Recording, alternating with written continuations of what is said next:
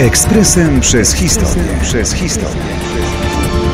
16 lutego 1770 roku konfederaci barscy ponoszą porażkę w bitwie z Rosjanami pod Błoniem.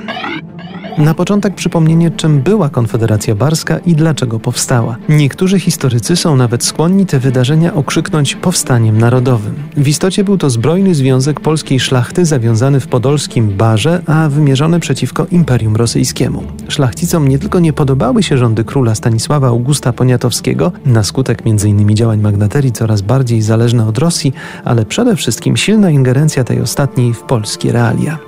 Reformy przedsięwzięte przez króla coraz silniej zrywały z zasadami demokracji szlacheckiej. Co najbardziej wzburzało jednak szlachtę, pojawił się także pomysł pod naciskiem i protestanckich Prus i prawosławnej Rosji, by przyznać prawa innowiercom. Kiedy wprowadzono go w życie, było jasne, że doprowadzi to do konfliktu i powstania wśród szlachty siły, która będzie broniła wiary w katolickim wydaniu.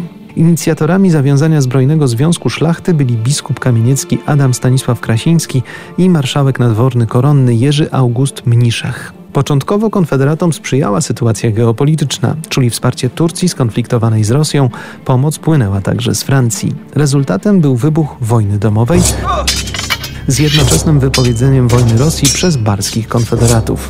W 1770 roku sprawy się bardzo zaogniły. Król nie chciał w ogóle pertraktować z buntownikami. Ci zaś ogłosili akt jego detronizacji. 16 lutego tego samego roku doszło do jednej z kluczowych potyczek bitwy pod Błoniem, podczas której to wojska rosyjskie rozgromiły niestety oddziały Konfederacji Barskiej. We wszystkich walkach wzięło udział po stronie konfederatów łącznie 100 tysięcy ludzi. Blisko 15 tysięcy trafiło na Sybir. Wielu wcielono siłą do armii rosyjskiej. Około 60 tysięcy zginęło. Nie ocaliło to jednak Polski przed rozbiorami. Ekspresem przez historię. Przez historię.